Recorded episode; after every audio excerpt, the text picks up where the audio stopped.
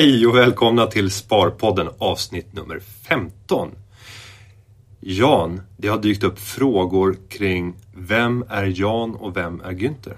Ja, eller framförallt så har det väl eh, varit en reflektion på att eh, om man inte har lyssnat sedan start så vet man inte vem som är vem. Så jag är då Jan Dinkelspiel och jag är innovationschef på Nordnet. Och du är? Günther Mårder och är sparekonom på Nordnet.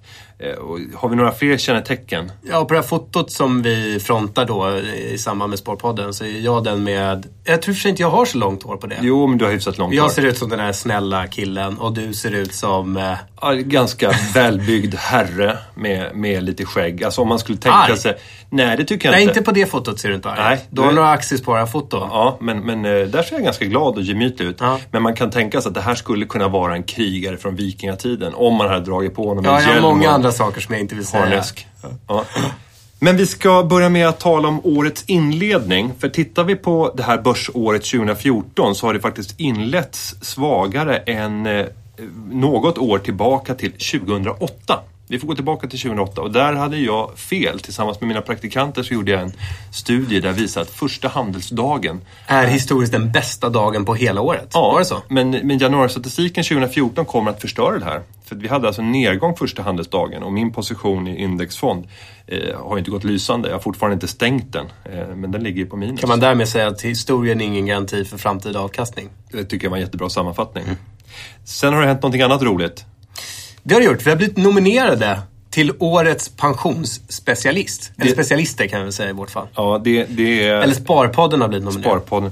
Och det, det här, eh, det känns ju som att det nästan är klart. Du, du tar ut segern i förskott. Nej, men jag, jag, jag hoppas att vi ska få, få hjälp av, av, av lyssnarna. Ja. Eh, om man tycker att vi har bidragit till att öka intresset för, för ekonomi, privatekonomi, pension, sparande. Eh, då tycker jag att du ska ta 30 sekunder, gå in på nordnetbloggen.se och det här eh, avsnittets eh, inlägg, alltså avsnitt nummer 15. Okej, så du kommer inte göra ett unikt inlägg för årets pensionsspecialist? Jo, det kanske jag också gör. Det var bra idé. Jag gör två inlägg. Ja, gör det. Ja, så rösta två gånger. Men då måste man ha olika datorer. Man, man, har ju en, mo- man har ju en mobil också. Man har mobil, man har padda, och man jo- jobbdator och hemdator. Ja, och sen ett, an, ett annat tips i sådana här omröstningar det är att man också kan ha olika webbrowsers. Du kan ha Internet Explorer, du kan ha Chrome, du kan ha Firefox eh, och så vidare. Och då kan, varje ny webbläsare brukar man... Och sen har vi säga att våra, nu kanske en 12, 13, 14 tusen lyssnare Mm. har ett Facebook-nätverk på i snitt 200 någonting. Så hjälp Så oss. finns det ju en enorm viral eh, dimension också om ni vill pusha ut det här viralt. Och sista dagen att rösta är 10 januari, så det är nu på fredag. Så eh, var, var skyndsamma i ert agerande. Det tackar vi för. Men då måste vi ju nästan bjuda på någonting pensionsmässigt för att göra skäl för, för titeln. Ja. Har du eh, så här, någon spaning? Finns det någonting inom pensionsområdet som är värt att tänka på nu, så här inledning av året? Ja, det finns faktiskt en sak och det är att skapa mer jämställda pensioner. För det är fortfarande så att vi lever i ett land där män tjänar väsentligt mycket mer än kvinnor. Eh, Och det här skapar en orättvisa sen i, i slutet av dagen, alltså när vi ska pensioneras, eftersom kvinnorna då kommer att ha väsentligt lägre pensioner än männen. Här finns det en möjlighet för gifta par, eh, och det kan alltså vara partner, men ni måste vara gifta eller ha ingått äktenskap, eh, att överföra premiepensionsrätter. Så du kan överföra din premiepension till din registrerade partner. Mhm. Och gör man det här så måste man anmäla sig innan den 31 januari varje år. Så att det börjar bli hög tid att skicka in papperna till Pensionsmyndigheten om man vill överföra hela eller delar av sin premiepension. Och då kan man fråga sig, vad, vad betyder det här då? Om jag gör det här, låt oss säga att man är idag kanske 45 år. Om premiepension då, det är ju 2,5 procent på Ja. lönen va? Ja. Ja. Och säger man då, avsäger man sig sin del av premiepensionen till sin partner och gör det under 20 års tid eh, så kommer det att kunna innebära 1500 kronor i extra pension för den som mottar det. Så det, det är inga småsummor det handlar om. Nej. Eh, Men för den som inte eh, behöver premiepensionen så kan det vara ett, ett snyggt sätt att... Så en liten försenad julklapp. Ja, i, i år så ska du få premiepensionsrätter av mig. Det, det, det tycker jag är fint.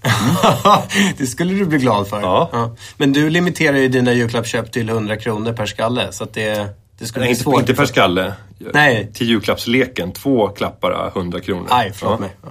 Eh, och sen kan vi säga så här, hur, är det många svenskar som gör det här då? Mm. Och då tittar jag på, på senaste årsstatistiken och då var det 8392 svenskar som Okej. väljer att Finns det någon fördelning män och kvinnor? Ja, I 97 fall av 100 så är det en man som för över till en kvinna. Ja, men det var bra.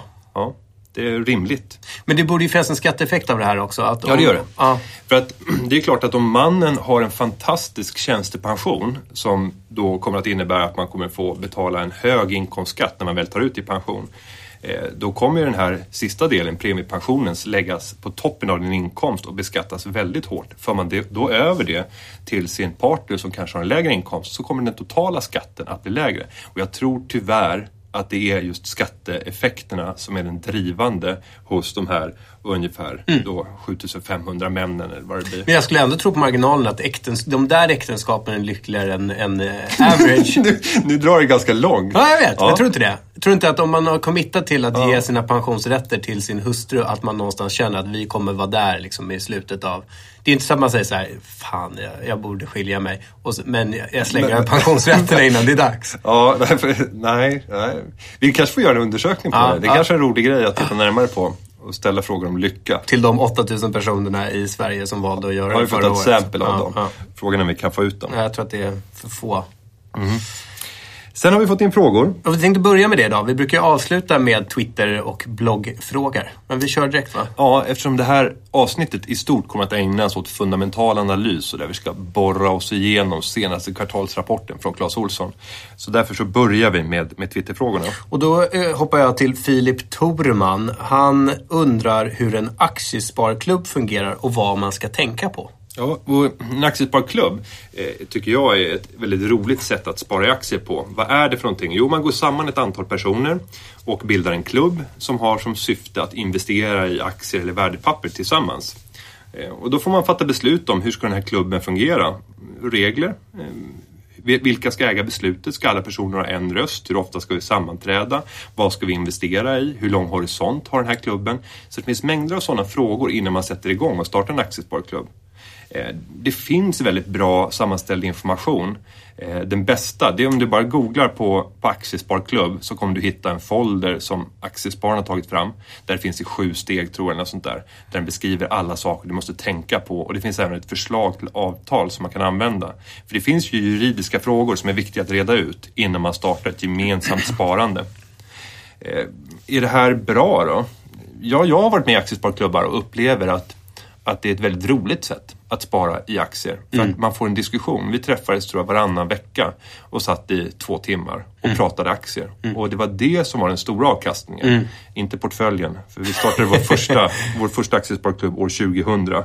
Så det var inte lysande. Och då satt ni där eh, och analyserade Fnet och Switchcore tillsammans. Ja, eller då var det nog med Skandia var en av våra stora eh, stekar i den klubben. Men vi hade ju ett 8-10 bolag. Vi hade en horisont på oftast 2-3 år. Skandia är ju stor i sig. Det skulle vi kunna ägna ett sparpoddsavsnitt Ja, också. säkert. Eh, Men där förlorade vi en hel del pengar.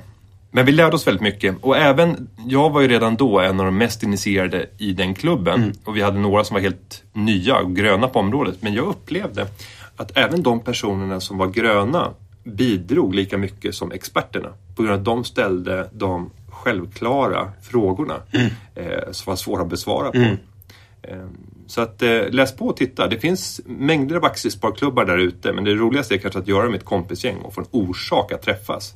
Och kanske använda överskottet till att göra roliga saker. Och sen har ju bankerna, inklusive Nordnet då, eh, särskilda avtal för aktiesparklubbar. Så att eh, Ja. gå till Nordnet eller någon annan aktör. Och där du alltså upp- del- delar upp eh, portföljen så att varje person äger sin Ja, procentuella skriver man in vilka andelar man har då i förhållande till hur mycket insats man har. Ja. Enda baksidan just nu det är ju att man nästan alltid vill ha en aktiesparklubb eller ett aktiesparande på en kapitalförsäkring eller investeringssparkonto. Och där kan man inte ha flera registrerade eh, personer utan det måste vara en person. En kapitalförsäkring kan visserligen vara en juridisk person men då måste man starta en, en ekonomisk förening så att det glöm det Ja. om ni inte avancerade. Så det är en, en baksida. Vi eh, Men tänka på, som, som Filip frågar, det, det är väl då framförallt att sätta upp gemensamma principer, eller liksom tydliga principer för hur ett investeringsbeslut ska fattas. Ja, och vilken tidshorisont. Ja. Eh, varför gör man det här? Vad ska pengarna användas till? Ja. Eh, när får man sätta in eller plocka ut pengar? Eh, och, och framförallt, varför? Varför gör vi det här? Ja. Eh, ska det vara roligt eller ska det vara lönsamt? Eller? Mm. Gott. Vi hoppar vidare till Erik Rosengren. Uh, han undrar hur Ja, du. Det är riktat till dig, inte till mig. Jo, men det står i Sparpodden okay, som hashtag ja. också. Hur eh, vi resonerar kring korta positioner i enskilda large cap-bolag alternativt gå kort i OMX 30. Vill du förklara bara vad det är innan? Ja, hur resonerar ni kring att gå kort? Ja. När man går kort, då innebär det att man eh, har en negativ syn på det här large cap-bolaget eller index och tror att det kommer sjunka i värde. Då finns det ju positioner som man kan ta. Alltså man kan köpa enskilda produkter som går upp i värde när eh, börsen eller bolagen sjunker i värde. Ja. Så att spekulera i nedgång, det är att gå kort. Eh, motsatsen, det är när vi köper och tror att det ska gå upp. Då går vi lång.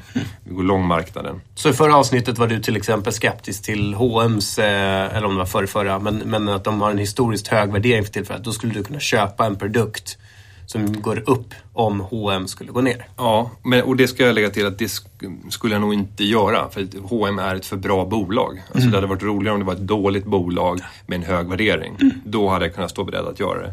Eh, de gångerna som jag använder möjligheten att gå kort i marknaden, det är oftast när jag känner att, att vi har haft en överhettning eh, på marknaden. Börsen har stigit vansinnigt mycket och då vill jag ha en försäkring i mitt långsiktiga innehav och säger att ja, men nu köper jag bara en, en produkt som kommer att sjunka eller stiga i värde när börsen går ner. Eh, och vanligtvis så är det en börshandlad fond. Mm. Det kan vara exakt bär eller det kan vara olika typer av short ETFer. Eh, gärna med en liten hävstång så att man kan få en liten position och få en försäkring för delar av portföljens innehav. Så att låt oss säga att jag hade ett innehav på 100 och sen så adderar jag 50 eh, alltså hälften så mycket i en sån här ETF som går upp om marknaden går ner. Och då har jag försäkrat halva portföljen mot marknadsrisken. Ska vi gå in på VP-lån också, värdepapperslån? Ja, det gjorde vi ju rätt mycket i senaste avsnittet. Vi gick in på belåning ja. mer, men vi gick inte in på värdepapperslån, eller eh, alltså lån av värdepapper. Nej, ja, vi kan ju nämna det kort. Ja, ska jag göra det då? Ja. Men eh, just hur man tar en kort position i ett enskilt large cap-bolag. Säg då att vi tycker att, eh, jag vet till exempel att Elekta är väldigt kortat, som man mm. säger då av institutioner för tillfället. Och det innebär då att jag tror att eh, om jag tror att Elekta ska gå ner eh, så kontaktar jag min bank, min mäklare och säger hej jag skulle vilja låna aktier av någon annan sparare. Och då har de aktier tillgängliga för aktielån. Så du kanske då sitter på eh, Elekta för du tror att aktien ska gå upp men du har inte för avsikt att sälja den här aktien på en, en, under, under de kommande månaderna. Så du säger men då kan jag låna ut dem. Och då lånar du ut aktierna till mig eh, och för det betalar jag ränta eh, på de här aktierna. Så jag betalar några procent i ränta, inte särskilt många procent. Och då är jag helt plötsligt, trots att jag inte äger aktien, så har jag ju då lånat aktien. Och så, så säljer jag de här aktierna, säg att jag säljer dem för 100 kronor. Eh, för att jag tror att den ska gå ner. Och säg att jag då har gjort eh, rätt eh, affär. Ja, men då kanske aktien går ner från 100 till 95 och så köper jag tillbaks aktierna för 95 och ger tillbaka aktierna till dig. Och då har jag ju då tjänat skillnaden mellan, jag sålde dem för 100 eh, och jag köpte tillbaka dem på 95 och då har jag gjort en, en vinst. Och precis kan det gå åt andra hållet också. Att man köper, eh, eller man säljer de aktierna och sen så fortsätter aktierna att stiga, vilket Elekta har gjort återkommande under några år. Eh, och så måste jag köpa tillbaka dem för 110 istället och då har jag gjort en förlust. Just i Elektas fall så tror jag att det är, det är drygt 10% kanske uppåt 12% av hela bolaget som är blankat. Mm. Någon, gång måste ju de här, alltså. Eh, någon gång måste de ju köpa tillbaka de här aktierna. Så det kan man också se som en trigger, en möjliggörare. För en aktien, short squeeze kallas det va? Eh, när de tvingas köpa tillbaka, låt oss säga att de kommer med en rapport som är väldigt stark. Då kan det hända att de drar iväg. Då blir de här institutionerna livrädda för de sitter en massa korta positioner som de vill stänga och då tänker de att nej men nu kan det rasa iväg åt helvete. Så att nu måste vi stänga positionen, köpa tillbaks det, ge tillbaka aktielånet. Så då kan man se sådana här överdrivna kursreaktioner, mm. kursreaktioner för att alla de som var korta inför en rapport eh, blir snabba på att agera. Och sen ska jag avsluta med att ta två exempel. För jag försökte faktiskt eh, blanka här i eh, fredags. Ja. Eh, Ratos A-aktie drog iväg som ett skott och steg med 8% när eh, Ratos-aktien i övrigt stod och stampade. Och skillnaden mellan A A och B-aktien blev enorm. Och då ville jag naturligtvis då blanka A-aktien för att köpa B-aktien och ligga helt neutral men tro att de här aktierna kommer att närma sig varandra. A och B-aktien kommer att närma sig varandra kursmässigt. Men då frågade jag våra mäklare här på Nordnet eh, om det var möjligt och då sa de att eh, just när det gäller Ratos A så finns det inga aktier att låna. Eh, Det är så dåligt utbud. Så därför så kunde jag inte genomföra det. Tidigare i höstas så hade jag ju ett case på Melker Schörling. Det tror jag var ute och twittrade om också. Ja, jag tror det. tipsade folk om. Eh, Då var substansrabatten 9 Eh, Och Melker Schörling köper tillbaka sin aktie till substansvärde i samband med årsstämman, vilket betyder rabatt noll. Så man kunde få 9% riskfri avkastning om man då hade köpt, den ax- eh, köpt Melker Schörling-aktien och blankat alla portföljinnehaven. Eh, Nu är det faktiskt så att Melker Schörling handlas till en premie på 2 och det här har gått på tre månaders tid. Gjorde du den strategin? Eh, nej, jag ville göra en enorm hävstång i den här modellen. Ja. Eftersom jag ligger riskneutral Ja. så vill jag få in en hävstång på uppåt fem eller sju gånger. Mm. I vissa fall kan man till och med komma upp mot tio om man är spe- speciella kunder som kan redovisa eh, att man uppfyller vissa krav. Kan komma åt sådana typer av miljöer. Men eh, det kunde inte jag få göra som, eh, som anställd. Jag kunde inte skruva upp risken så mycket. Trots Okej. att jag tycker att det är så pass låg risk. Men för en vanlig privatperson så är den här dealen möjlig. Så hade man då tagit 100 000 kronor eh, och gjort det här och fått en hävstång på, på 5, ja då hade du haft 50 avkastning. Eh, och det är klart, du hade inte kunnat räkna med de där sista 2 procenten. Men 9% hade du kunnat räkna med. Så det går att jo- jobba kort lång och eh, ha ganska låg risk när man blankar också. Sen är det så att vi jobbar ju på en bank och vi har en massa regler som eh, reglerar våra egna eh, affärer. Och det gör att ofta vill man ju ta de här korta positionerna utifrån ett kort perspektiv. Men vi får ju inte sälja med vinst. Vi får sälja förluster inom 30 dagar men vi får inte sälja vinster inom 30 dagar. Nej, för hade jag fått den här Ratos-positionen eh, förra veckan då hade jag kunnat tänka mig att sälja den nu en handelsdag senare och jag hade gjort 5% redan nu. Men det hade varit omöjligt. Jag hade varit tvungen att vänta minst en månad Ja. innan jag kunde realisera. Yes, exakt. Ytterligare frågor? Siri? Ja, min svägerska. Bra. Ja, eh, hon eh, undrar, eh, hon fick ett meddelande via sin eh, depå på Nordnet eh, om midday auction. Eh, det vill säga att ja, hon fick ett meddelande, midday auction i small cap-bolagen här i Stockholm. Eh, och undrade vad det egentligen, vad innebär det exakt och varför gör man det? Ja, och då kan man ju säga att det finns redan aktioner. Du har en aktion när börsen öppnar och en aktion när börsen stänger. Eh, och det är ett förfarande på fem minuter där man får möjlighet att kasta in ordrar och sen så försöker den här auktionsförrättaren, vilket börsen är, leta var har vi ett jämviktspris och sen så sker alla affärer till ett och samma pris vid öppning och vid stängning. Och då upplever man att under öppning och stängning då sker en stor del av handeln i small cap-aktier. Däremellan så händer inte speciellt mycket utan folk sitter och stampar och det är ett avstånd mellan köpare och säljare i orderboken. Så att vi får en stor spread.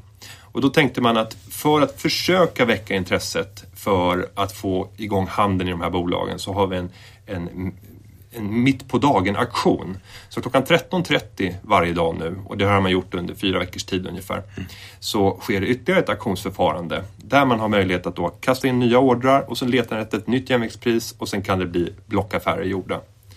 Eh, Vi passade ju på och gick förbi... Blockaffärer då, lite större transaktioner.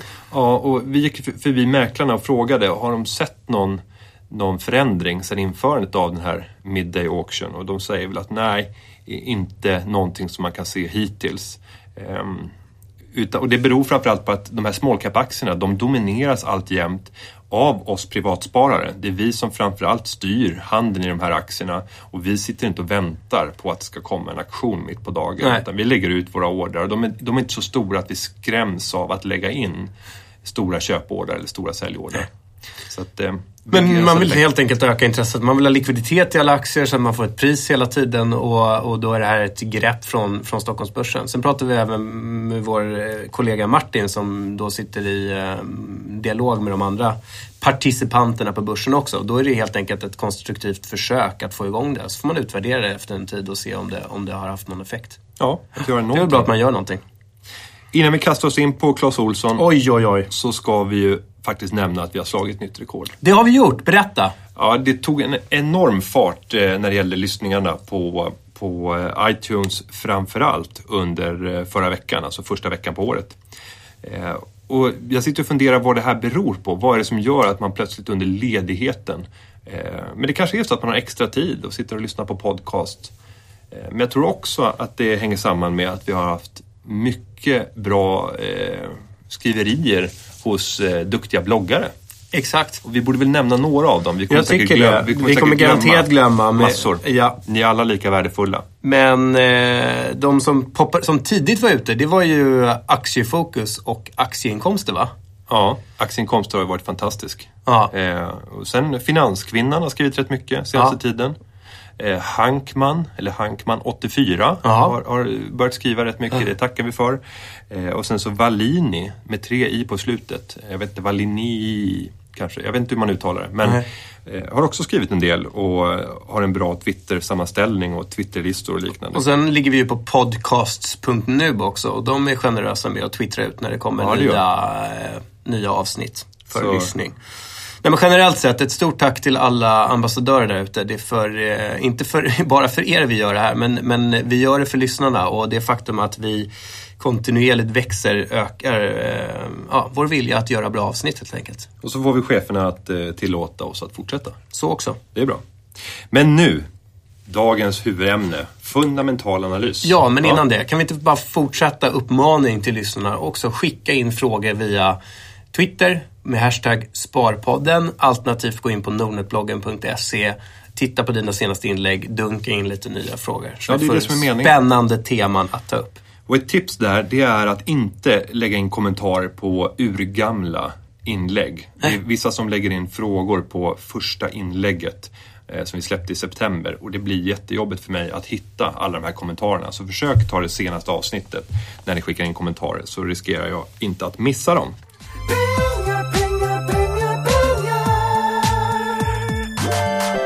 Men nu bläddras det i papper här för nu ska jag säga till alla som vill följa med att skriv ut eh, Clas Olssons senaste delårsrapport.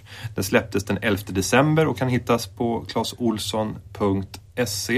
Ni- Enkelt är att googla Clas Olsson Investor Relations. Ja, för att just konsumentbolag kan det vara svårt att hitta investerarfliken. Ja, de har en tendens att vilja sälja skiftnycklar istället för att... Vilket, vilket glädjer mig Yes. som aktieägare. Så ta fram den rapporten. Den är inte många sidor. Totalt i omfång så är den väl ett eh, tiotal. Nej, åtta sidor bara. Och nu har jag och Jan under julledigheten gått igenom den här. Eh, så följ med oss på den här resan så ska vi berätta om hur vi läser den. Och det här är ju på allmänt önskemål från lyssnarna. Vi har ju ett återkommande sagt att ska vi, inte ge oss, ska vi ägna ett avsnitt och vi har sagt extended version, att det ska bli ett riktigt långt avsnitt. Jag vet inte om vi kommer att committa till det. Men att, att verkligen eh, gå igenom en rapport, läsa igenom, våra, höra våra reflektioner och gå in i, i eh, resultat, eh, kassaflöde och balansräkning. Lite fel ordning där. Det brukar alltid vara resultaträkning, balansräkning och kassaflöde.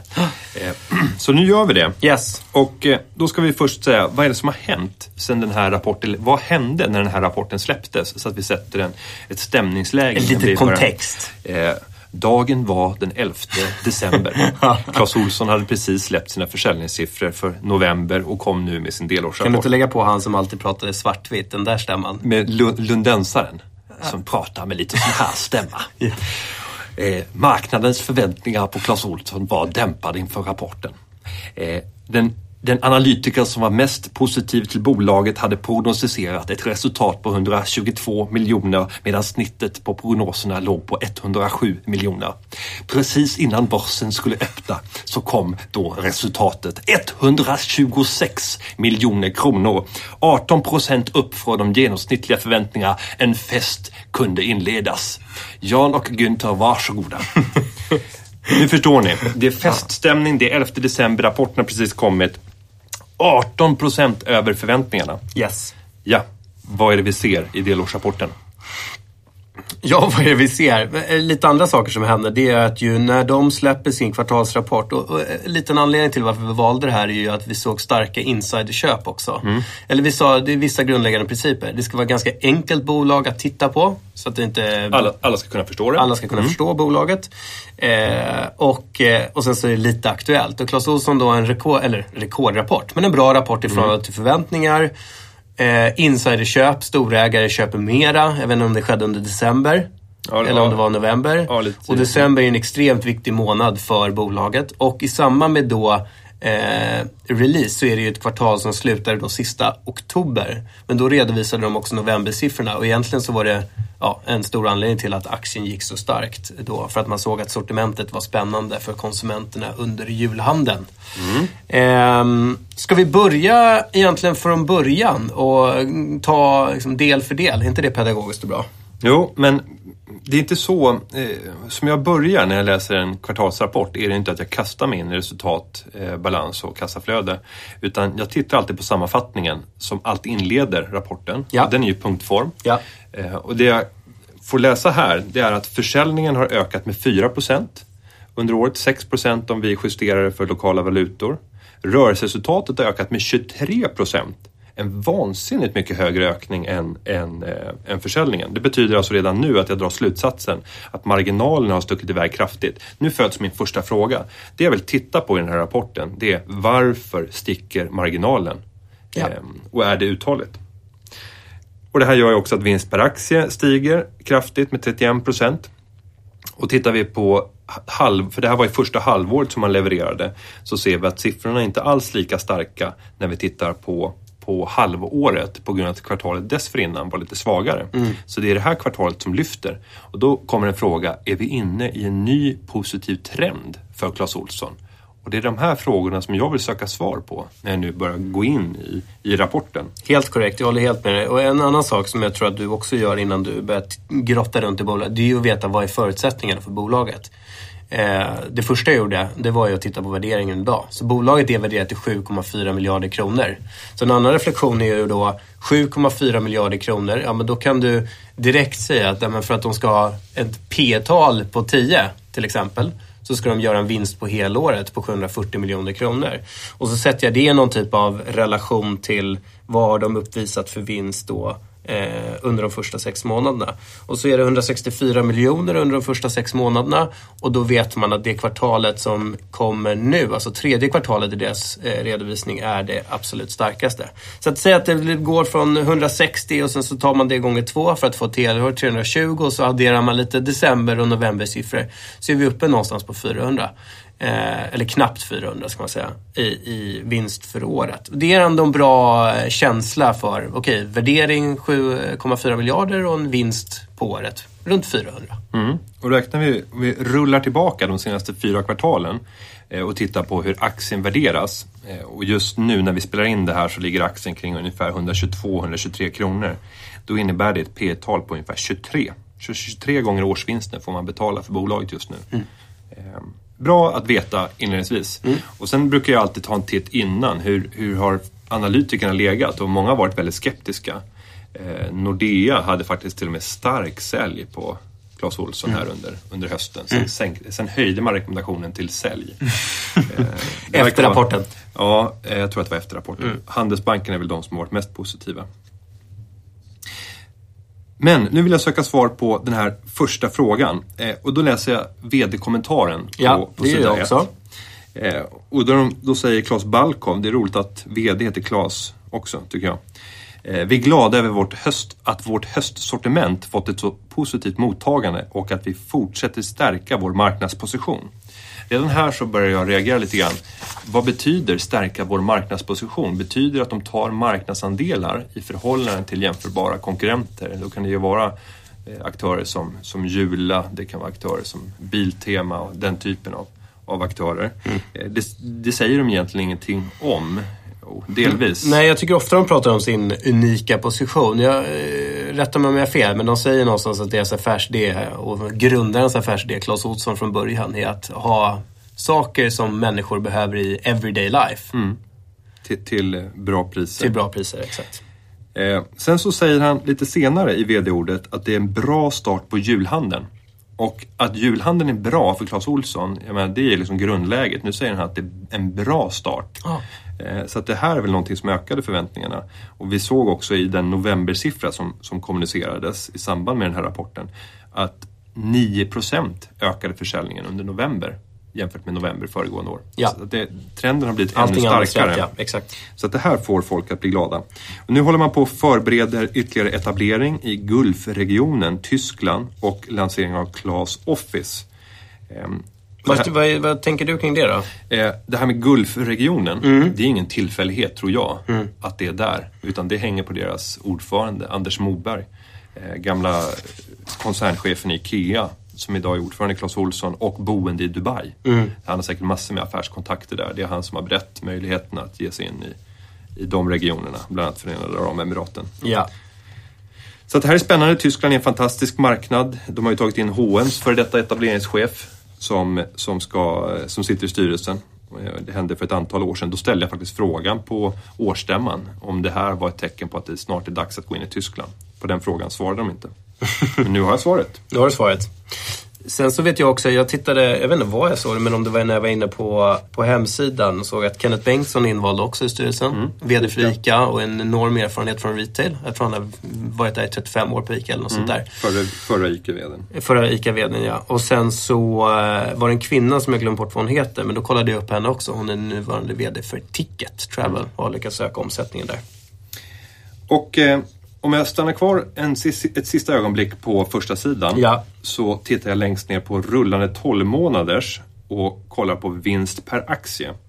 Och där ser jag att vi för de senaste fyra kvartalen är uppe i 5 kronor och 54 öre i vinst per aktie för Clas Ohlson.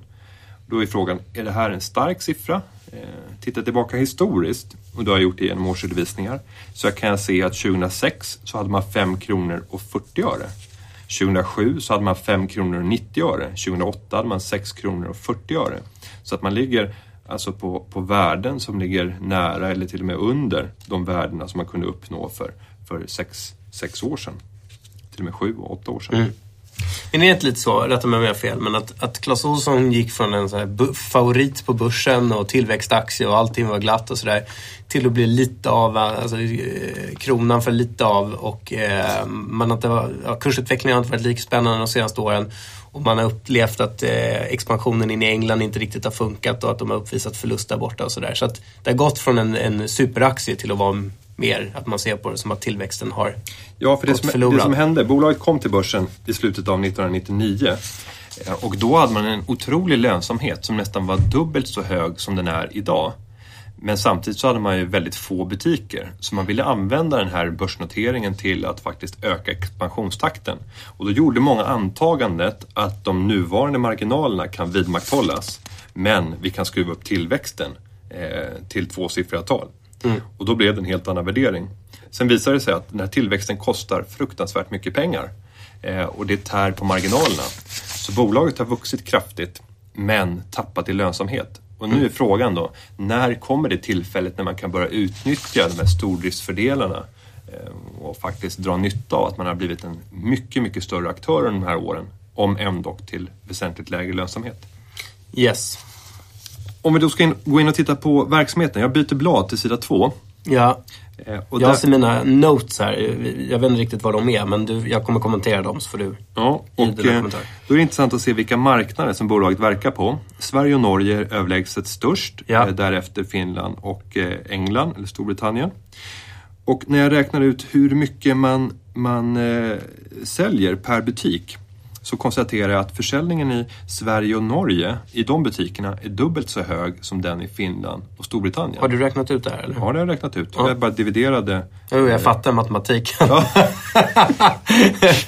men jag tänkte om den fanns redovisad. Nej, nej det gör jag inte. Utan det, det mest intressanta i rapporterna, det är det som är oskrivet. Ja. För att då börjar jag fundera över, finns det en potential? Ja. Det här skulle jag ställa till bolaget om jag träffade Claes Balkov nu. Finns det en potential, eller vad är det som talar emot att butikerna i Finland och England inte skulle kunna komma upp till samma försäljning som man har i svenska och norska butiker? Mm. Och det är en dubblering. Och där ser vi också att, att försäljningen i Finland då, nu vet inte jag hur mycket som är Det vet du säkert. Nya butiker. Ja, nya butiker och hur mycket som är ökning i, i eh, jämförbara. Men eh, omsättningen i Finland är ju det, eller Finland är ju det land som har gått starkast vad gäller omsättningstillväxt. Ja, jag skulle nog säga att det otvivelaktigt, jag skulle tro, eh, och det kan jag utläsa men nu hinner jag inte göra det så snabbt, men jag skulle tro att i jämförbara butiker, det redovisar de inte i den här rapporten, eh, där har tillväxten varit starkast i Finland. Den procentuella förändringen är 13 procent där. Och jag vet inte hur många nya man har startat, det stod här någonstans. Tittar vi sen på resultatet så säger man, och det är det här, nu kommer vi till svar på min fråga. Vad är det som gör att marginalen är så bra?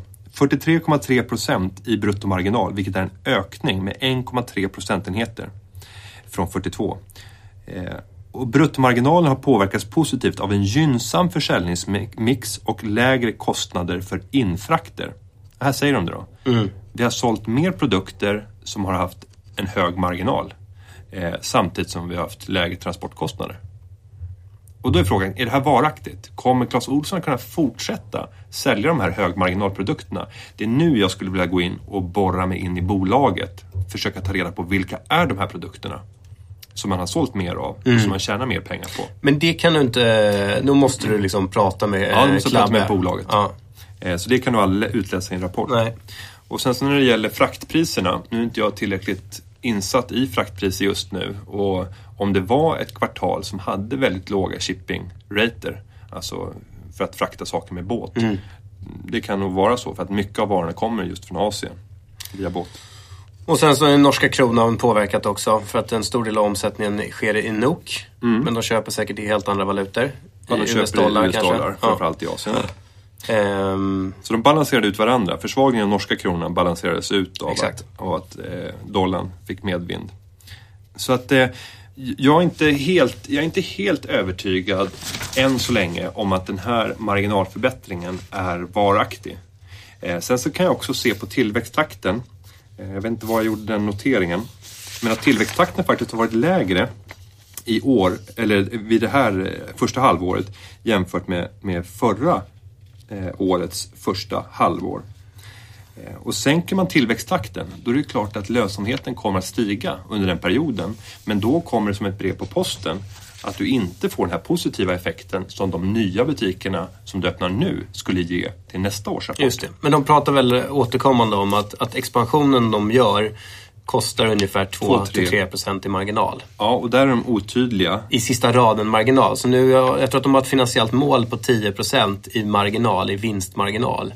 Men de ligger under det senaste kvartalet då på ungefär 7,5 va? Mm. Ja, jag vill, vill återkomma till den lite senare Ja, också. det gör det. Om vi ska gå vidare på sida två. Jag bara räknar ut hur mycket det genomsnittliga lagervärdet har ökat och det är 6,7 procent. Jag räknar ut hur mycket varulaget i- vid slutet av perioden har ökat och det är 6,9 procent. Och så ställer jag det i relation till försäljningsökning för att se, ökar lagret mycket snabbare än vad, vad försäljningen har gjort? Det här med lager tycker jag är väldigt intressant. För det binder ju kapital. Mm. Och vi kan säkert komma in eh, till det ytterligare när vi tittar på kassaflödesanalysen. Vad jag inte fattade, du kanske kan förklara det för mig. Det är ju att lager någonstans ligger på, det här är under då, du har en svensk kvartalsrapport, jag har en engelsk, men finansiering och likviditet eller finanser och likviditet. Så har ju, eh, så säger de att de snurrar lagret sju gånger.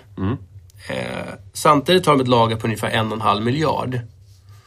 Och det är alltså, det är ju vad de betalar för och lite andra saker också som är, ligger då i lagret. Det är inte, det är inte priser som man sen tar i butik utan det är det man har köpt det för. Eh, om på en omsättning på vad då? På hela bolaget på en 6-7 miljarder eh, så borde ju en och en halv miljard i lagerpris med 42 procents eh, bruttomarginal motsvara ungefär att det är 3 miljarder värde som ligger på hyllorna. Är du med? Och det borde bli 6 eller... Ja, men det, borde, det, det, det, blir inte 6,6 gånger att de snurrar lagret 6,6 gånger. Jag får inte ihop det. Nej, men sen kan det ju vara att sakerna som man tjänar riktigt mycket pengar på, Ja. de omsätter man väldigt lite av. Och, och det är ju rätt naturligt. Saker som man har väldigt bra priser på, kanske till och med säljer under inköpspris i vissa lägen, säljer man galet mycket av. Eh, Jag skulle tro att en del av förklaringen ligger där i. Ja, men frågan det kan ju också vara att de sitter på ett inventory, att de sitter på ett varulager Där de sitter på massa produkter som de inte lyckas sälja. Mm. Som ligger kvar i lager som man egentligen borde ta en nedskrivning på. För att det finns inte, det finns inte köpare där ute. Men ändå så. Så det finns ju, alltså i lagret finns det ju väldigt mycket spännande att, att eh, Ja, det man ska bli, på. bli orolig för det är om lageromsättningshastigheten sjunker drastiskt. Man ska bli orolig om eh, lagret ökar dramatiskt. ja. Eh, Så den typen av förändringsfaktorer är det mest avgörande att titta på. Och när jag tittar på de här siffrorna, 5,6 procent och 6,9 procent beroende på om vi räknar vid periodens slut eller genomsnittslager. Det är inte märkvärdigt givet att man har uppvisat en tillväxt som är motsvarande. Exakt, och sen får man ju säga också att, att, att det går upp inför julhandeln, det är ju naturligt. Mm. För då ska du liksom fylla hyllorna inför en ökad försäljning. Så, att, så det det är naturligt. Men det är klart att i ett idealscenario så hade, så hade lagret gått ner trots att försäljningen går upp. Mm. I ett dröm, dröm, dröm-scenario. Ja, för då kommer man kunna bli betydligt mer effektiv och dela ut pengar till aktieägarna så man inte binder lika mycket kapital. Exakt. Om vi sen går vidare till sida 3 eh, så kommer jag till en intressant eh, Är det verkligen sida tre? Ja, för mig är det den svenska rapporten. Ja. För dig är det nog inte det, den engelska. Eh, framtidsutsikter. Eh, och här pratar man om att de har ett koncept som är unikt i sitt slag. Och där får man fundera över hur unikt är det här konceptet? Titta på de sakerna ni köper. Vilka är det de konkurrerar mot? Är det här konceptet? Ja, kanske den här mixen av produkter är unik. Eh, men en sån unik position tror jag kanske inte att man har alla gånger. Eh, och sen så pratar man om hur, hur snabbt man ska expandera och det här är första gången i rapporten som man nämner att eh, expansionen kommer att belasta Clas Ohlsons rörelsemarginal med upp till 2-3 procentenheter under ett verksamhetsår. Och nu planerar de för det här året att öppna 12 till 17 nya butiker. Så där har vi alltså tillväxttakten i nya butiker. Ja. Sen så återkommer man och upprepar det här i långsiktiga finansiella mål. Då pratar man om att vi ska växa med som lägst 10% per år och rörelsemarginalen ska vara eh, lägst 10 och då står det marginalmålet inkluderar den belastning om 2-3 procentenheter som den pågående expansionen på nya marknader beräknas medföra. Och Så- då räknade jag också lite ut. Och då tog jag eh, dagens omsättning och sen så gjorde jag 10% tillväxt. Och när kommer de då omsätta 10 miljarder? Och 10% marginal, när kommer de göra en miljard i vinst? Därför när de gör en miljard i vinst, då kommer ju P vara under eh, 10. För att de, gör, de idag har 7,4 miljarder i bolagsvärdering. Jag tror att vi, 2018 Sen kan man säga att det är aggressiva mål givet den historiska tillväxten och eh, den historiska vinstmarginalen. Va? Ja, om jag gör en, en, en snittberäkning på om de lever upp till de här målen. Ja. Eh, alltså 10% i försäljningstillväxt och 9,8 i, i eh, rörelsemarginal. Då skulle det leda till att man hade en vinst per aktie på ungefär 11,50 om fem år. Och då känns det ju väldigt aptitligt att kunna köpa sånt här bolag till 120 kronor. Men pratar du vinsttillväxt på 10% eller pratar du... Nej, då blir vinsttillväxten 18% eftersom det är en kraftig... Ja, du pratade en vinstmarginal på 10%. Ja, ja. för det blir en otroligt kraftig marginalförbättring. För just nu så ligger man ju på 6,5, 6,6, 6,7 procent. Och då att anta att man kommer komma upp till, till, till 10 procent är ju aggressivt. Yes. Ehm, Så att det här skulle innebära en fantastisk resa. Man är långt därifrån eh, just nu.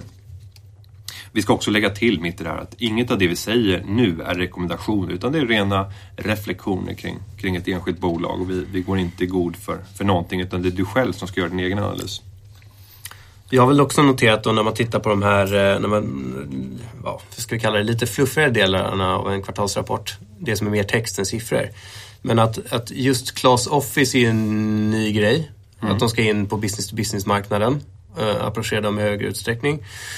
Eh, och jag kan alltid bli lite nervös. Jag gillar alltid liksom, om vi ska göra nya saker. Men jag gillar också bolag som håller sig väldigt tydligt till sin befintliga strategi. Så det finns ju alltid en risk i att man ska expandera nytt och då ska det Ja men det är, nya, det är ny marknadsföring och det är ny försäljning som ska till och det är nya koncept som ska skapas och det kanske är nytt sortiment som ska köpas in och så vidare. Det är mycket test, det är mycket kostnader associerat med det där. Sen är de säkert smarta och kan göra det väl. Men det finns alltid en risk i expansion i att bredda affärsmodellen. Mm, Det är nog enklare att bara säga att vi pumpar upp ytterligare några Vi ska butiker. bli ännu bättre på det vi gör Exakt. idag. Sen ett avsnitt som jag alltid gillar att titta på det är risker och osäkerhetsfaktorer. Eh, det här avsnittet brukar alltid vara förkortat i kvartalsrapporterna så jag skulle rekommendera att när ni tittar på riskavsnitt, gå till årsredovisningen. Och det roligaste man kan göra, eller mest eh, nyttiga man kan göra, det är faktiskt att ta två årsredovisningar på varandra följande. Alltså du tar årets senaste årsredovisning och så tar du förra årets årsredovisning. Och så jämför du, har det förändrats någonting i riskavsnittet sedan förra året? För då kan du ge dig den på att det här är en fråga som styrelsen har diskuterat och plötsligt identifierat en ny risk.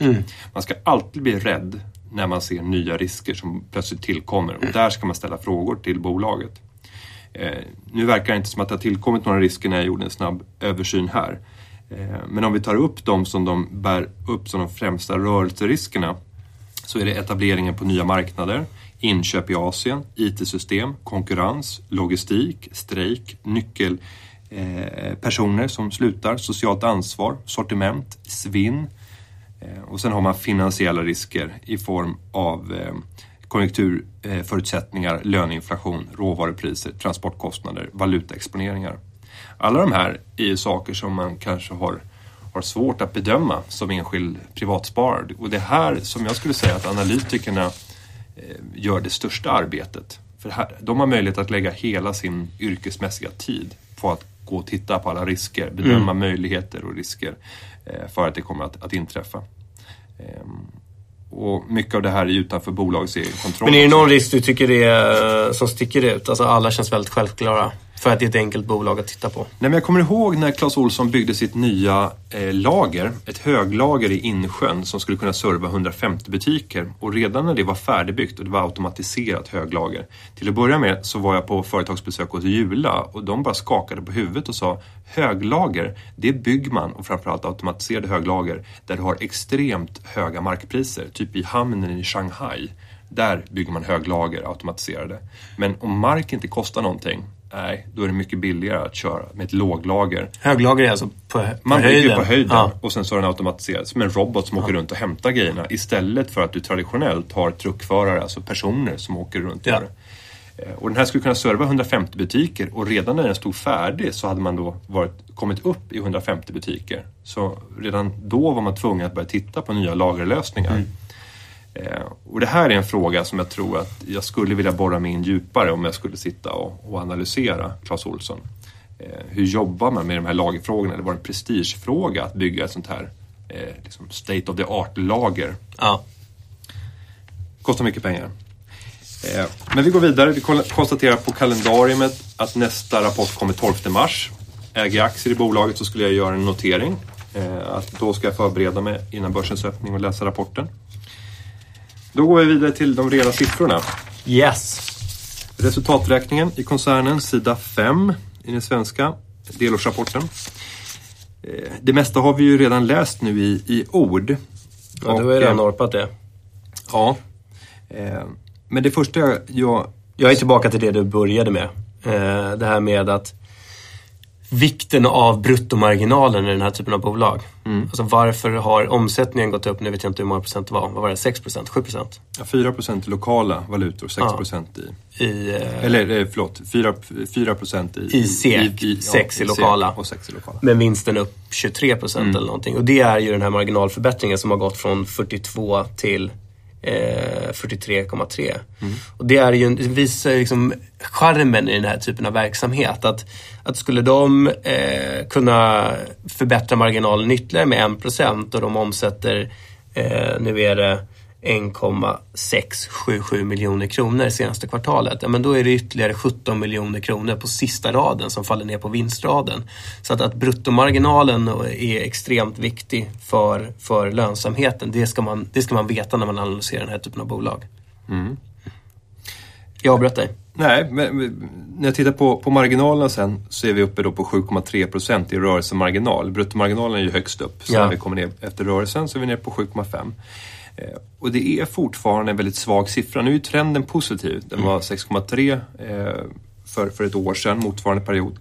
Så att det, är en, det är en positiv trend, men man är långt ifrån de gamla värden som man har varit uppe i. En sak som jag reagerat på tidigare i rapporten textmässigt Ja. det är att man särskiljer distanshandeln. Eh, Man pratar om distanshandel, men jag menar det är ju e-handel idag. Ja. Den sjunker. Ja. Alltså, Nej, jag tänkte också på det. Det är så här, Men den var, de pratade om 23 miljoner kronor eller något Det sånt där. Den är ju Men det, extremt borde, låg. men det borde finnas en fantastisk potential. Och när bolaget kom till börsen i slutet av 90-talet, då var en ganska hög andel distansförsäljning Mm. via katalog. Men man misslyckades i den transformeringen från att vara en katalogförsäljare i stor utsträckning till att bli En e-handlare. e-handlare. Ja. De hade kunnat haft Sveriges främsta e-handelsbutik inom de här områdena. Mm. Eh, Men har förlorat hela det, det kriget. Jag undrar om det finns en dimension i deras affärsmodell. Att, att de är lite sådär, det man vill ha där, det vill man ha nu. Så att du, du ska sätta upp ett nytt röstköperi eh, under helgen och då vill du ha en list. Och då går det till Clas Ohlson Mm. samma lördag som du ska göra det. Och att du vill, orkar inte med några transporttider. Eller är så mycket. Nej, men jag sitter och tänker inför julhandeln. Borde, man borde bara kunna gå in och sen finns det så rekommendationer till eh, pojke 5 till 8 år. Och så finns det 10 förslag Ja. och sen rankar den efter, Fine. efter Men de säger ändå att de ska vara i attraktiva 13. lägen, vilket de är. Alltså bor man Ja. i Stockholm så hittar man dem. Man behöver inte åka ut till något köpcenter som ligger en och en halv timme utanför Stockholm. Utan Ja, du- och det är det som har kostat, den här överetableringen som jag nästan upplever det. Jag köper ju, jo jag köper nog lite mer från Clas Ohlson idag än vad jag gjorde förr i tiden.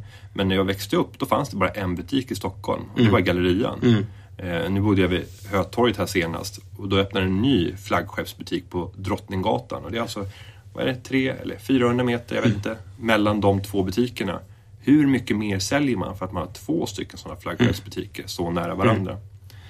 Eh, Så att Sverige så börjar Jag skulle vilja att de expanderade in i, nu börjar jag prata nya affärsidéer Ja. här. Istället för Clas Office, att de gjorde lite, i USA finns det ju uh, Walgreen och det finns, eh, vad heter de andra? Ja, strunt samma. Men det är ju såna där, den, precis den typen av butiker i miniformat. Precis som ICA försökte Men bli... det har de. Miniklas. Har de det? Ja, det, det var ett koncept som lanserades för tror jag, två eller tre år sedan. Alltså mindre Men butiker. där vill jag att de trycker in läkemedel, alltså liksom Alvedon och sånt skit också. Att det blir en sån här butiken där, ska man ha något för snabbt bruk. Ja. Då, nu låter det som att jag sitter och missbrukar Alvedon hemma.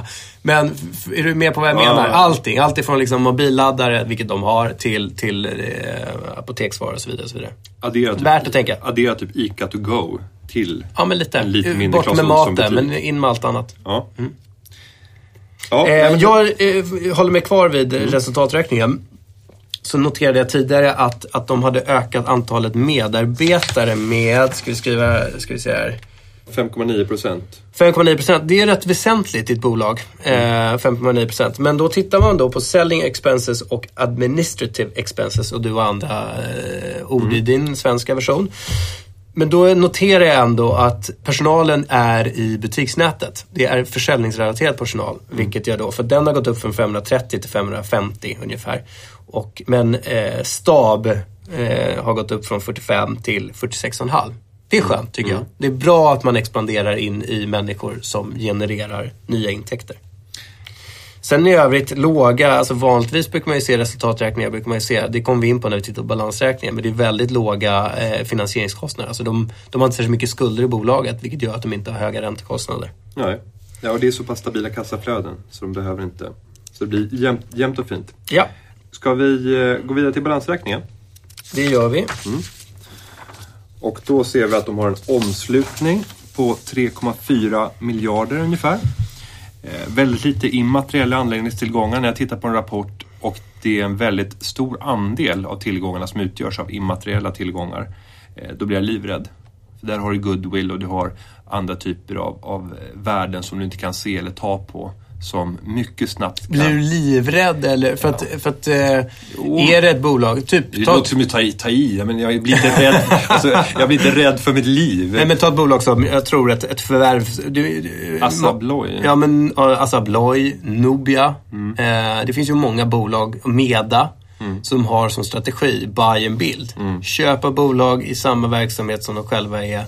Och då är ju goodwill är ju då, om du köper ett bolag som har 500 miljoner i eget kapital och du köper för en och en halv miljard, ja men då har du Mm. 500 miljoner som kan trycka in på eget kapital och sen är det en miljard som måste trycka in på goodwill. Nej, men allt hänger samman med hur den underliggande verksamheten utvecklas. Stiger marginalen, ja, men då blir jag inte så orolig för en Nej. stor goodwill-post. Men får jag se en sjunkande marginal och en försäljningsutveckling som viker, ja, Ja. då... ja, men då är det ett uttryck för att det förvärven har varit dåliga. Ja, Annars är börjar det ett uttryck för att förvärven har varit bra. Men likväl, det är alltid Mm. skönt med låga Oh ja, om man kan immateriella välja, om rättigheter. man kan välja Eller två bolag Vad heter det hos dig? immateriella Tillgångar. tillgångar.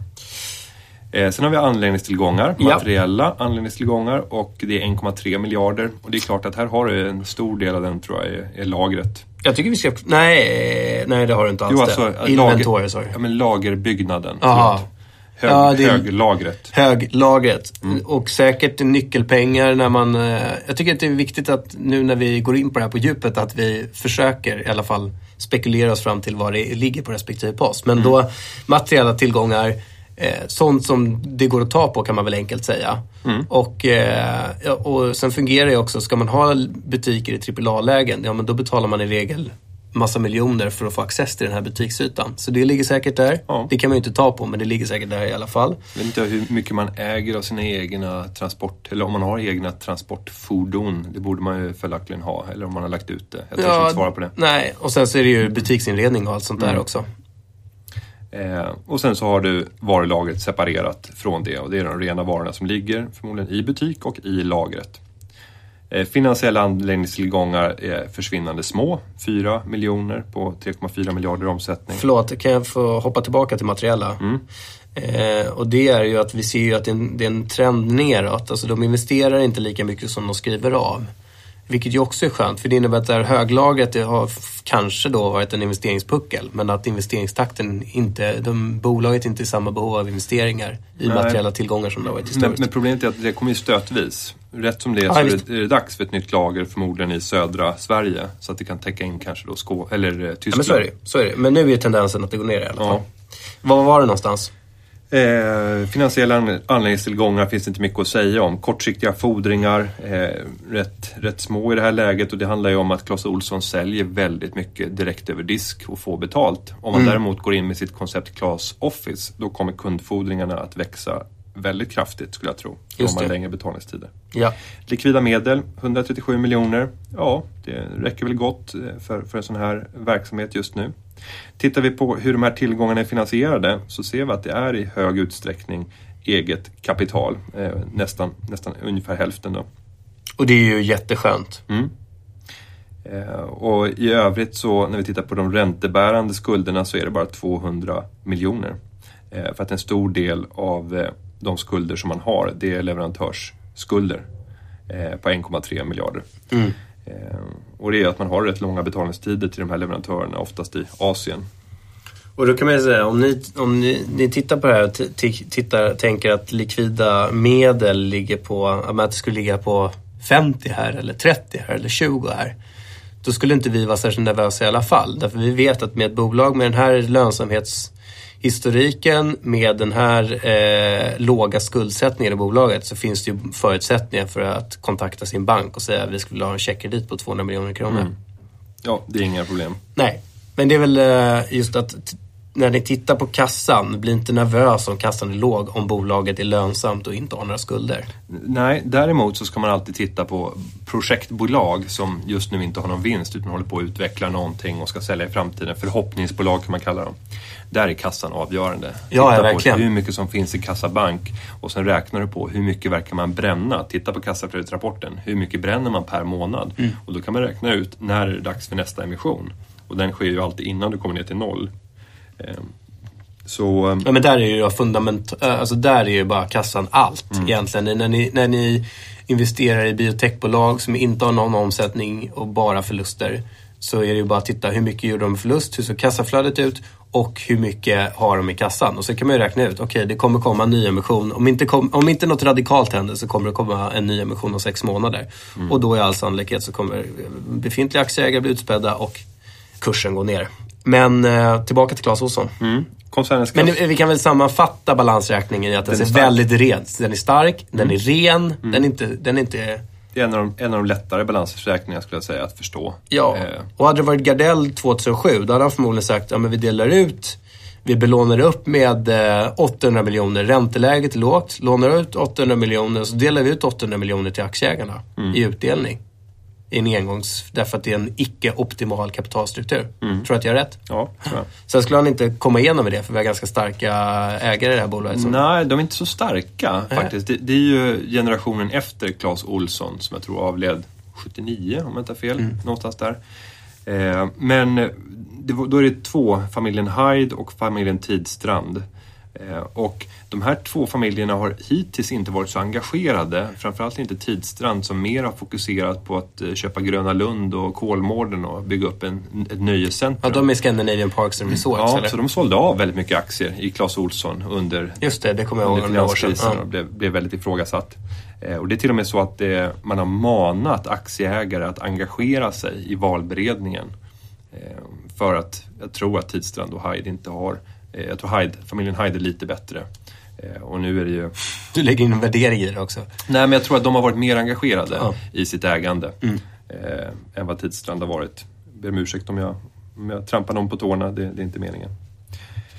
Men vidare till kassaflödet. Ja. Och eh, då börjar vi med att titta på den löpande verksamheten.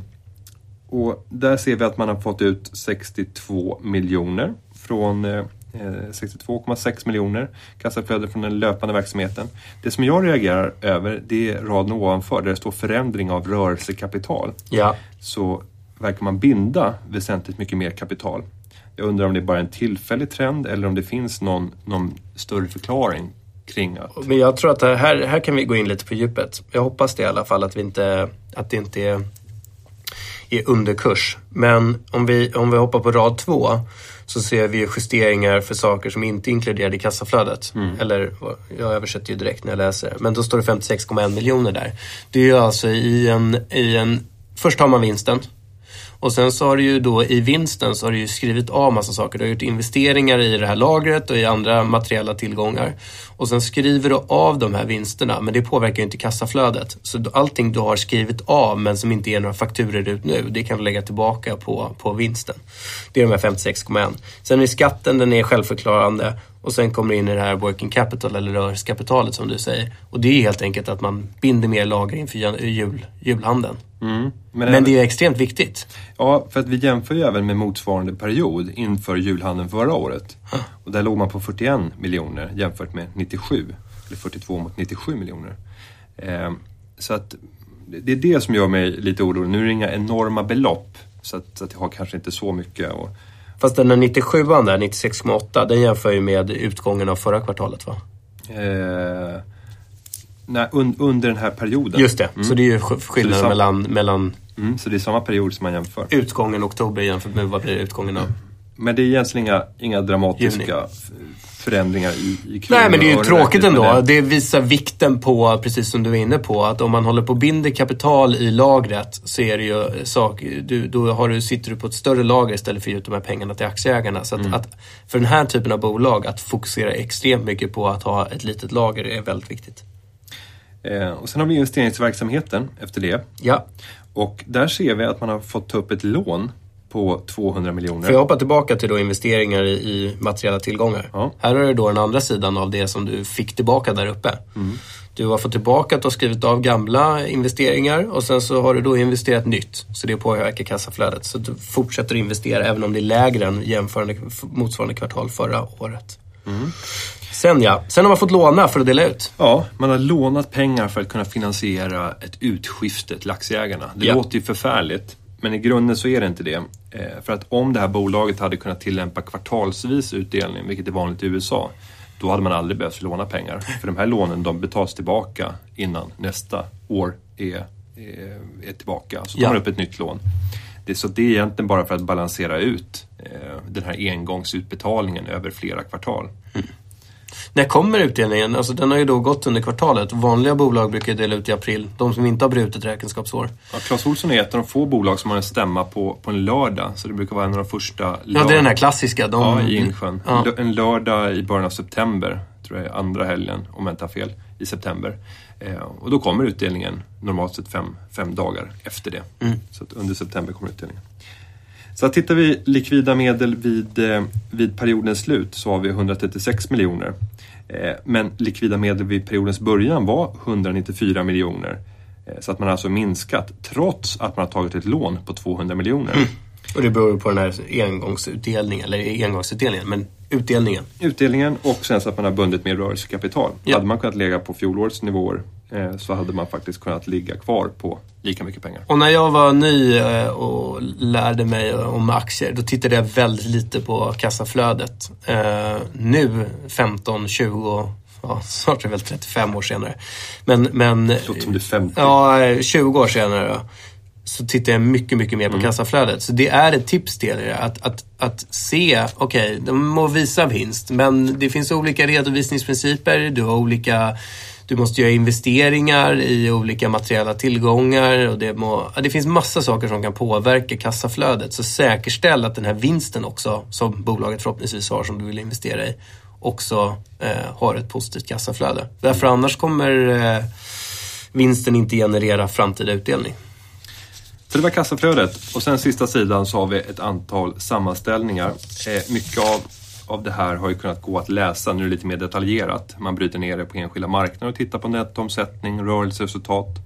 Eh, terminskontrakt, man valutasäkrar ju också. Det här tycker jag, jag vet inte jag hur, vilken analys de har gjort, men jag tycker nästan det alltid är en, en nackdel att hålla på och valutasäkra. För det man, det man vinner på gungorna, det förlorar man på karusellerna. Eh, Så det är en nervositet tror jag kanske av att man är ett noterat bolag. Hade man inte varit noterat så hade man inte brytt sig så mycket. Nej. För det kostar pengar att köpa de här försäkringarna. Eh, Och att säkra sig mot valutasvängningar. Och i för- i förlängningen kommer att förlora på det. Ja, det blir någon typ av spekulation där också. Det är frågan om, är Clas Ohlson bäst på valutaspekulation eller bäst på att sälja skiftnycklar? Ja, så där har vi gått igenom en, eh, en kvartalsrapport. Eh, Och skulle vi nu ge oss i kast och göra en, en analys av bolaget. Jag sa inledningsvis att skulle de leva upp till sina finansiella mål, alltså en vinstmarginal på 10 och en försäljningstillväxt på 10, då skulle vinsten stiga med 18 procent per år de kommande fem åren. Eh, Sen får man bedöma sannolikheten i det. Man är långt ifrån de siffrorna, både lönsamhetsmässigt och försäljnings, försäljning, försälj, Försäljningsmässigt. Mässigt. Ja. Så att där gäller det bara att skruva i sina olika förväntningar och sitta och räkna. Man kan bygga upp ett Excel-ark eh, och sitta och kalkylera med, med olika typer av tillväxt. Man kan göra det hur komplicerat som helst. Jag brukar säga försök, försök hålla det enkelt. Vill du sammanfatta dina äh, samlade reflektioner? Om jag gör det så tycker jag att det är roligt att man är inne i en positiv eh, lönsamhetstrend. Lönsamheten stiger. Men jag tror också att det kan bero på att man har varit försiktigare i antalet nyöppnade butiker. Det kan komma att bidra till eh, lite försämrade tillväxtsiffror nästa år om det inte blir en väldigt stark konjunktur och att vi börjar köpa allt mer. Så att eh, jag tycker nog att det har varit en, en lite för stark reaktion eh, i samband med den här rapporten. Aktien har stigit med över 20 procent och så mycket nytt har inte skett under solen. Eh, jag vill se en längre trend eh, innan jag är övertygad om att man är inne på rätt spår marginalmässigt. Och nu är det nya koncept, Clas Office, det är Gulf, det är Tyskland. Det här kommer kosta pengar. Så att jag tror att vi får vänja oss vid, vid marginaler som kommer vara de som vi haft de senaste tre, fyra åren. Eh, vilket har varit väsentligt lägre än, än perioden innan. Så att eh, gå hem och gör era egna kalkyler och eh, bedömningar och kom fram till vad kommer aktiens framtida pris att vara. Det gör man enklast genom att räkna ut vinst per aktie och sen sätta ett P tal på det. Jag tycker det var lite hårt, för jag tycker om vi, om vi bortser från värdering så kan man säga att så här, det är en, eh, ett bolag med en tydlig affärsidé. Eh, uthållig vinst. Eh, en stark balansräkning. Ett enk, ja, men en, en ren och bra års eller kvartalsrapport eh, i ett enkelt bolag. Sen kan jag eh, återigen värdera bolaget utifrån hur värdering sker eh, är i förhållande till eh, nuvarande vinst. Ja, men det är ju det är ju en marknadsspekulation. Men just som bolag, ja, det, allting ser glatt och fint ut. Sen har eh, Clas Ohlson dragits med ett problem på marknaden och det är att värderingen ofta har varit väldigt hög, svårförklarligt hög. Eh, och det hänger nog samman med att man har haft väldigt mycket ambassadörer bland privatsparare tror jag. Det räcker med att åka till årsstämman så ser man 2000 aktieägare som sluter Sen hade de en kraftig omsättningstillväxt där under några år och då trodde man i att nej, den här tillväxtökningen har förutsättningar för att eh, det finns mycket expansionsmöjligheter kvar. Mm. Men tittar man snittet för de senaste fem åren när det gäller P talsvärdering så ligger vi på 18 gånger årsvinsten. Och det stipulerar ju en, en, en riktigt hög tillväxt. Under den här perioden så har man å andra sidan då bara vuxit med, eh, senaste fem åren, har man vuxit med minus 2,4 procent i vinst Nej, men så är, det. per, per så år. är det här ett hack i kurvan, eh, i tillväxtkurvan på grund av eh, finanskris i världen? Eller är det eh, bara någonting som, eh, ska, ja, eller som långsiktigt kommer bli svårt att expandera in i nya marknader? Det är väl egentligen den stora frågan, är inte det? Ja, Det är det. Och eh, det är, ni får gärna gå tillbaka och läsa. Jag var ju analytiker 2008 och det här var en av de analyserna som, som jag gjorde. En, en köprekommendation på Clas Ohlson och den har inte varit speciellt rätt kan jag erkänna. Nej, men det är här. väl ödmjukt och bra. Men, här men just att så här, hur enkelt är det? De pratar om sitt unika koncept men eh, de är säkert rätt bra på att göra motsvarande eh, koncept i de andra europeiska länderna. Det tror jag man kan utgå ifrån. Mm. Att det finns rätt bra alternativ där nere också. Ja, vi får se. När de ger sig in i Tyskland och, och Gulfstaterna och, och liknande. Yes! Det var fundamental analys. Jag hoppas att ni inte har... eh, Blev det en extended version? Ja, det blev det så det heter duga. Vi kommer dela upp den här i två delar och ha, eh, speciellt på Spotify så kommer det vara i två delar. Men med det så önskar vi bara en god fortsättning på året. Exakt. Så- Vi hörs snart. Det gör vi. Och den här podcasten har producerats av Fredrik Karlsson Hedin och klippningen har gjorts av Emil Hemming. Ha det gott! Tack!